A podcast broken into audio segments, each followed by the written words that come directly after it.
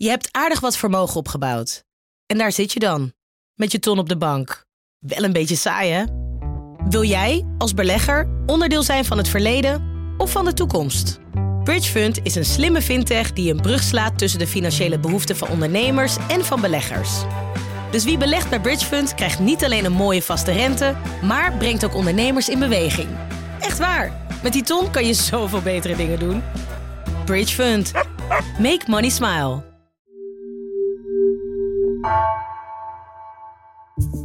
Vanaf de redactie van NRC het verhaal van vandaag. Mijn naam is Gabriella Ader.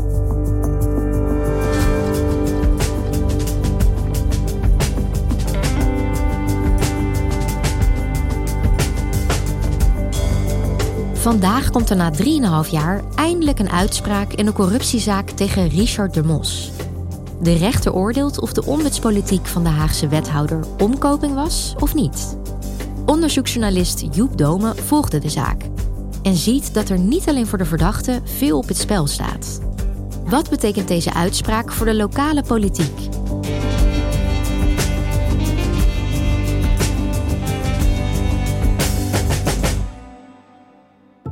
Ik was in januari dit jaar in uh, de rechtbank Rotterdam bij uh, een van de zittingsdagen in het uh, corruptieproces tegen de Haagse ex-wethouder Richard de Mos. Ja, welkom natuurlijk bij uw zitting inhoudelijke behandeling voor u allemaal. Bijzonder wel, de inhoudelijke behandeling. Spannend. Is het spannend, meneer de Mos? Ja, het is zeker spannend. Ja. ja, wat mij betreft veel te lang geduurd. En er was iets tijdens die zittingsdag dat mij enorm trof. Het ging maar de hele tijd over harde corruptie, steekpenningen, omkoping. En opeens dook die dag emotie op. Word je afgemaakt in, in, in de media? Voor wat? Ik heb geen euro aangenomen. Ik heb mijn partij groot gemaakt. De hele vrijdag lig je op de grill. En nog een keer draaien, en nog een keer. Omdat ik voor de stad in de weer ben? Nou, het is gewoon te gek voor woorden. Maar goed, ik moet nu weer kalmeren, want ik merk dat ik een beetje boos word. En emotioneel, dat moet ik juist niet doen, want ik ben op mijn best als ik vrolijk ben. Maar meneer de Mos, moet u eens luisteren. Het, u doet het heel goed vandaag. Ja. Maar ik zat een klein beetje te wachten op, uh, op wel. Op wat, sorry? Ja, omdat ik ook... Ik wil altijd voor die kiezer laten zien... hé, hey, ze krijgen mij niet klein.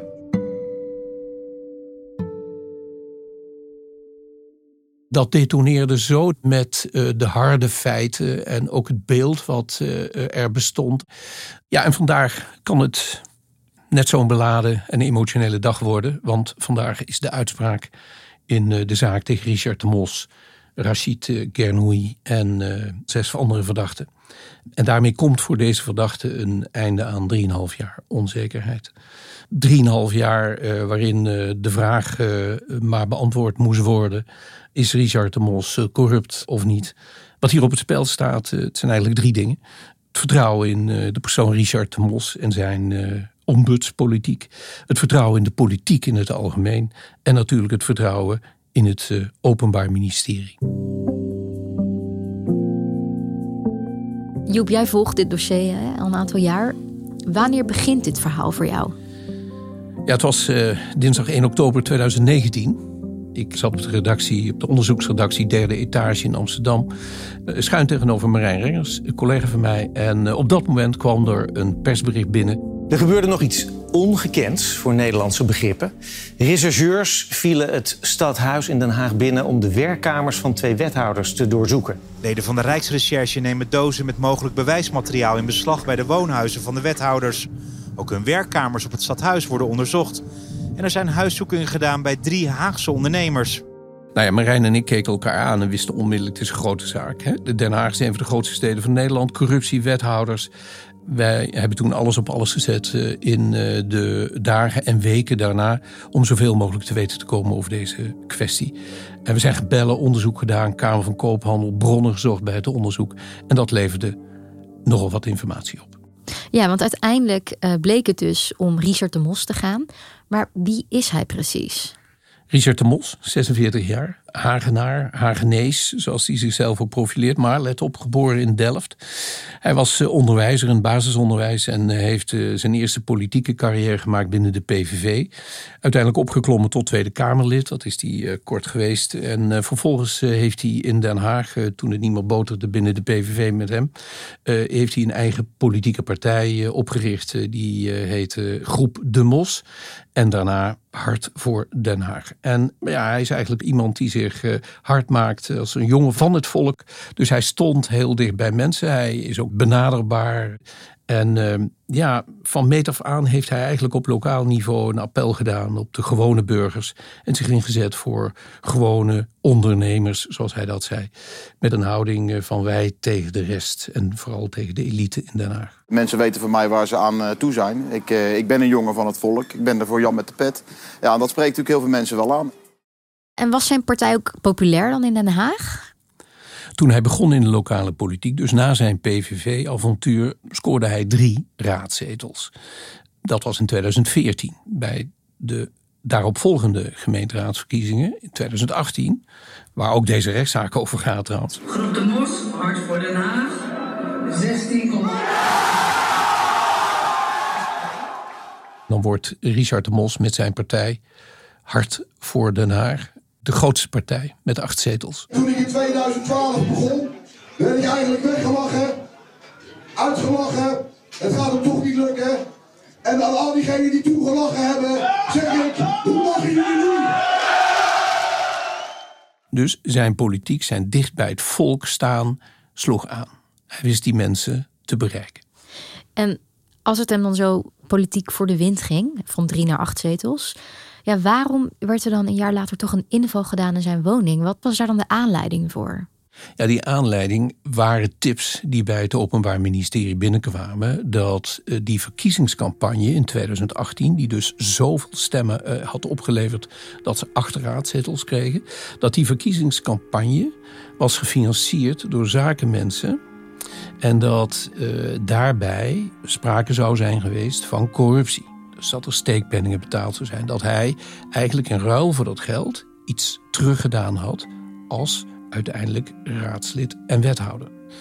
En voor het Openbaar Ministerie uh, waren die tips en de aanvullende informatie uh, voldoende om uh, toen in 2019 een inval te doen in het stadhuis in Den Haag, in de kamers van de wethouders en ook bij de wethouders thuis. En dan nu, drieënhalf jaar later, gaat de rechtbank een oordeel geven of hij zich inderdaad schuldig gemaakt heeft aan die waslijst van beschuldigingen die het Openbaar Ministerie heeft opgesteld. De Haagse oud-wethouder Richard de Mos staat samen met zeven anderen terecht. Ze worden verdacht van het vormen van twee criminele organisaties, van ambtelijke corruptie en het schenden van het ambtsgeheim. Volgens justitie zouden de verdachte ondernemers hebben geholpen in ruil voor donaties aan hun partij. Dat is nogal wat. En ik vraag me dan af, hoe heeft het zover kunnen komen? Nou, allereerst, Richard de Mols heeft natuurlijk altijd ontkend. Hè? Hij, hij herkent zich absoluut niet uh, in, uh, in deze verdenkingen en deze beschuldigingen. En ook de andere medeverdachten zien dit helemaal niet. Uh, wat Richard de Mos altijd gezegd heeft, is: ik doe aan ombudspolitiek. Ik sta dicht bij het volk. Ik luister. Als iemand mij belt, neem ik de telefoon op en ga ik over tot actie. Nou ja, dat is naar de mensen luisteren. En je merkt dat dat heel lang niet gedaan is in Den Haag. En je ziet dat mensen uh, problemen hebben. Dat kunnen problemen zijn met vergunningen. Simpele dingen zoals uh, de bestrating, uh, meer groen. Of het nou gaat om een scheefliggende stoeptegel voor de viskraam of iets anders. Dat is volgens hem ombudspolitiek. Ja, ombudspolitiek is luisteren naar de wensen van de burger en in actie komen als dat nodig is. Ik wil de politiek dichter bij de burger brengen. Dat is echt mijn, mijn visie voor de stad Den Haag. En dat wil ik doen middels die bekende ombudspolitiek. Uh, dat is ook wel vernieuwende politiek, eh, spreekuren, burgertops, ook conferenties in de stad waar burgers de ideeën kunnen, kunnen aandragen. Maar tegelijkertijd zie je dat je deze vorm van ombudspolitiek kunt bedrijven. En uit het dossier van het Openbaar Ministerie blijkt nog iets anders. Namelijk dat hij voor een aantal van die mensen, ondernemers, iets speciaals gedaan zou hebben. Namelijk dat hij ze geholpen heeft aan informatie op allerlei terreinen. Uh, dat hij harder is gaan lopen voor deze ondernemers dan voor andere ondernemers en voor andere burgers. En dat op het moment dat deze ondernemers, die dus ook terecht staan, medeverdachten zijn, geld gaven aan zijn politieke partij. En dan wordt het gevaarlijk. Ja, want dat ruikt dan toch wel een beetje naar omkoping. Zijn er misschien ook wat concretere voorbeelden van? Uh, nou ja, een bekend voorbeeld dat ook in het dossier voorkomt van het Openbaar Ministerie is de kwestie rond de nachtvergunning voor een dancing. Uh, en een van die zakenmannen die ook verdacht is, die wilde graag die nachtvergunning. Hij sponsorde de politieke partij van Richard de Mos. En uh, Richard de Mos uh, liep heel hard om die nachtvergunning te regelen. En uh, gaf ook voordat anderen het wisten die informatie over het verstrekken van die nachtvergunning aan die sponsor van zijn politieke partij, die uiteindelijk die nachtvergunning ook kreeg. De tweede zaak is dat de vastgoed. mannen die zijn partij ook sponsorden, dat die het conceptpartijprogramma van Richard de Mos zagen. Dus voorafgaand aan de verkiezingen van 2018. En uh, dat ze daarin niet zagen wat niet zo beviel. Dat dat vervolgens gewijzigd werd in het verkiezingsprogramma. Ze er erg blij waren en vervolgens nog enkele tienduizenden euro's aan de partij van hem sponsorden of gaven. In totaal hebben vijf zakenmensen samen meer dan 100.000 euro aan eh, de verkiezingscampagne van Richard de Mos bijgedragen. En dat is voor een lokale politieke partij heel veel geld. Ja, en als ik jou zo hoor, dan ga ik toch even advocaat van de duivel spelen. Maar waarom is dit dan zo kwalijk? Ja, kijk, dat politieke partijen in Nederland gesponsord worden, donaties krijgen van burgers en ondernemers, daar is niks mis mee. Dat je daar transparant over moet zijn, dat is bekend. Alleen die transparantie en die regels die gelden vooral voor uh, uh, landelijke politieke partijen en hun lokale afdelingen. Maar die gelden niet voor lokale partijen. Nou, dat is al een dingetje. Hè? Dus dat het niet altijd even transparant is bij lokale politieke partijen. Dus lokale politieke partijen hoeven het niet op te geven? Nee, die hoeven dat niet op te geven. En dus het geven van, van geld voor een verkiezingscampagne, dat is niet het punt. Wat hier aan de hand is, is dat er een tegenprestatie verwacht werd. Dat er een tegenprestatie verleend werd volgens het Openbaar Ministerie. En daar zit de crux. Maar goed, als je ook verder gaat kijken naar misschien wel politieke partijen, landelijke politieke partijen zoals de VVD. Ja, daarvan is ook wel bekend dat er flink gelobbyd wordt door bedrijven in de achterkamertjes, toch? Op landelijk niveau kun je je voorstellen dat bepaalde bedrijven belangen hebben om bijvoorbeeld de VVD te steunen. Maar dan gaat het over meer algemeen beleid en niet het concrete voordeel voor één bedrijf of voor één ondernemer. Ja, het is niet dat Shell, ik zeg maar wat, hè, gaat bellen van wil je dit en dit aanpassen in jullie. Ja, voor ons project daar en daar. Of wil je, wil je voor ons even dit doen? Nee, dat is vaak zie je dat die lobbyisten voor bijvoorbeeld een energiesector uh, natuurlijk bij het kabinet uh, langsgaan, bij politieke partijen langsgaan om dingen voor hun sector te regelen. En dat is het gebruikelijke lobbywerk wordt natuurlijk eh, heel vervelend wanneer, of strafbaar zelfs, wanneer eh, een politicus geld aanneemt en eh, dat in ruil voor dat geld dingen doet om iemand anders, een persoon of een bedrijf te bevoordelen ten opzichte van anderen. Als ik jou zo hoor, dan vraag ik me toch af: zouden dan Richard de Mos en zijn collega dan niet echt doorgehad hebben dat ze misschien toch wel een grens zijn overgegaan. Dat Richard de Mos misschien dacht van nou, ik wil gewoon helpen. En dat die zakenlui toevallig ook een bedrag hebben betaald aan de partijkas. kijk, aan de ene kant heb je de ombudspolitiek. Waarvan we geconstateerd hebben dat als je dat voor iedereen doet en je bent toegankelijk, er niets mis mee is. Maar dit ging verder dan ombudspolitiek. Dit was geen ombudspolitiek meer als we het dossier van het Openbaar Ministerie moeten geloven. Dit was jij betaalt en wij draaien. Uh, jij wil dit, wij doen dat voor wat hoort wat. En dan ga je die grenzen over. En cruciaal wordt nu in de uitspraak die vandaag uh, gaat komen, of de rechter ook ziet dat uh, Richard de Mos had kunnen vermoeden, op zijn klompen aan had kunnen voelen dat die bedoeling achter die donaties zat. Als dat zo is, wordt hij veroordeeld voor corruptie. Als we toch even kunnen voorbeschouwen op het vonnis straks, welke scenario's zie jij? Nou, die corruptie daarvan denk ik, als je het dossier bekijkt, dat er veel aanknopingspunten zitten. Dat uh, de rechter uiteindelijk zal vinden dat uh, hier het oogmerk was uh, bij de zakenmensen om dit geld te geven, om hem politiek dingen te laten doen. en tegelijkertijd, ja, bij Richard de Mos in elk geval, ja, dat hij toch op zijn klompen had kunnen aanvoelen dat dit geld gegeven werd om hem dingen te laten doen. Overigens, de eisen uh, tegen Richard de Mos zijn best zwaar als je het vergelijkt met, uh, met eerdere corruptiezaken. Hij uh, moet 22 maanden de cel in. als het aan het Openbaar Ministerie ligt, vier jaar ontzegd worden uit het recht om een bestuurlijk ambt te mogen bekleden. En ook nog een boete betalen van 8500 euro. En wat als hij niet veroordeeld wordt? Als dit niet uitkomt, dit scenario, uh, dan uh, zou het theoretisch kunnen zijn dat er een vrijspraak komt. Nou ja, dus we hebben al gezien niet op alle punten sowieso. Mm -hmm. Maar het zou bijvoorbeeld kunnen zijn dat de rechtbank zegt van ja, we vinden die criminele organisatie, dat, dat toch niet bewezen. Als de corruptie ook niet bewezen wordt, ja, dan is er een situatie waarbij uh, het Openbaar Ministerie natuurlijk een groot probleem heeft. Hè? dat kun je aanvoelen, want drieënhalf jaar lang is de politiek in Den Haag belast met deze zaak. Richard de Mos is belast, zijn partij is belast. Maar de kansen dat het Openbaar Ministerie in deze zaak zo sneuvelt, acht ik eerlijk gezegd niet zo groot. Als ik kijk naar de zaken die het Openbaar Ministerie sinds 1990 voorgebracht heeft bij de rechtbank. En gaat dan over corruptie van politici. Dan hebben ze alle zaken gewonnen. Oh, dus ja. het zou een unicum zijn als ze dit verliezen. En voor het eerst sinds 1990. Ja, en als ik jou zo hoor, klinkt trouwens best ingewikkeld om te bewijzen dat iemand iets aan zijn klompen had kunnen aanvoelen. Maar hoe uitzonderlijk is deze zaak dan? Er zijn in Nederland uh, sinds 1990 25 corruptieonderzoeken tegen politici geweest. Dat geeft even aan dat het niet zo vaak voorkomt. Hè? Dit is een bijzondere zaak, omdat het hier natuurlijk over een van de grootste steden van Nederland gaat.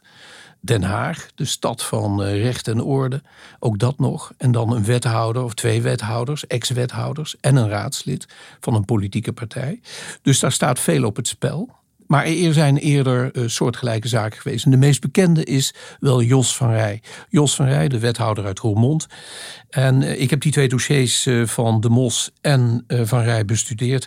En er zitten toch veel parallellen in. Het gaat allebei om lokaal bestuur, een lokale wethouder.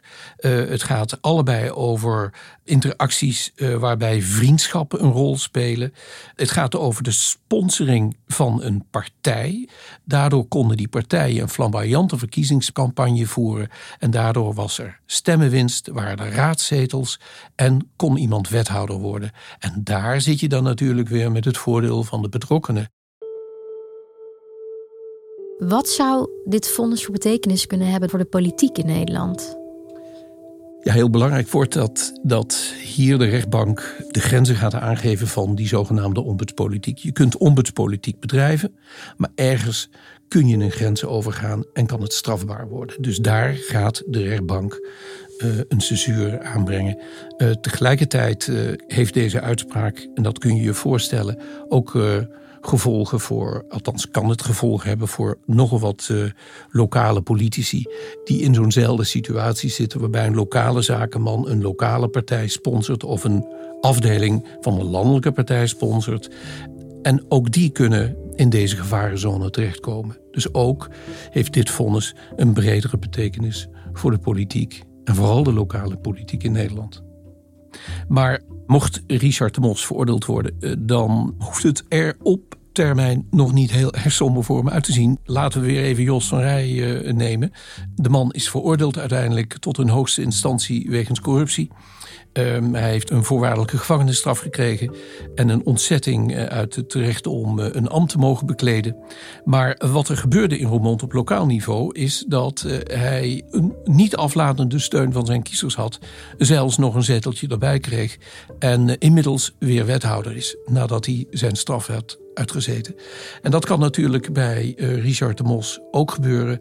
Het volk, het, zeg maar de stem van de kiezer, is toch uiteindelijk bepalend uh, of iemand wel of niet zijn politieke carrière kan voortzetten. Dankjewel. Graag gedaan.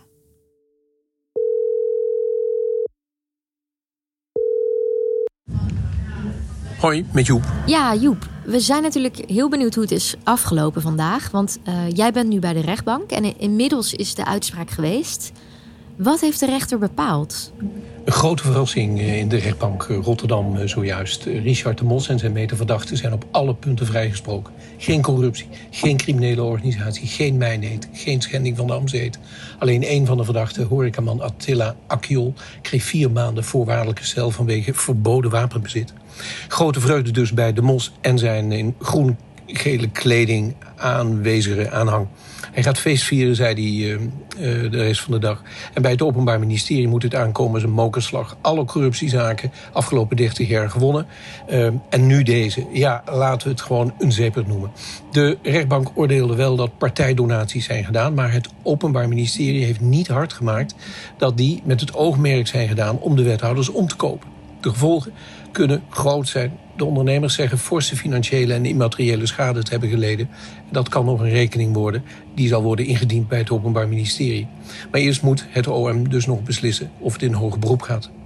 Nou ja, een pluspunt van deze uitspraak mag zijn dat het vertrouwen in de onafhankelijke rechtspraak in Nederland in de ogen van de aanhang van de MOS bevestigd zal zijn. En dat is ook mooi. Overigens was er een bijna politieke vingerwijzing van de rechtbank naar de overheid. De financiering van lokale politieke partijen, zoals die van de MOS, is niet geregeld. Daardoor kan en mag veel. En dat tekort aan regels, aan wettelijke regels, kun je niet oplossen met het strafrecht. Al dus de rechtbank. Oké Joep, heel veel dank voor de update.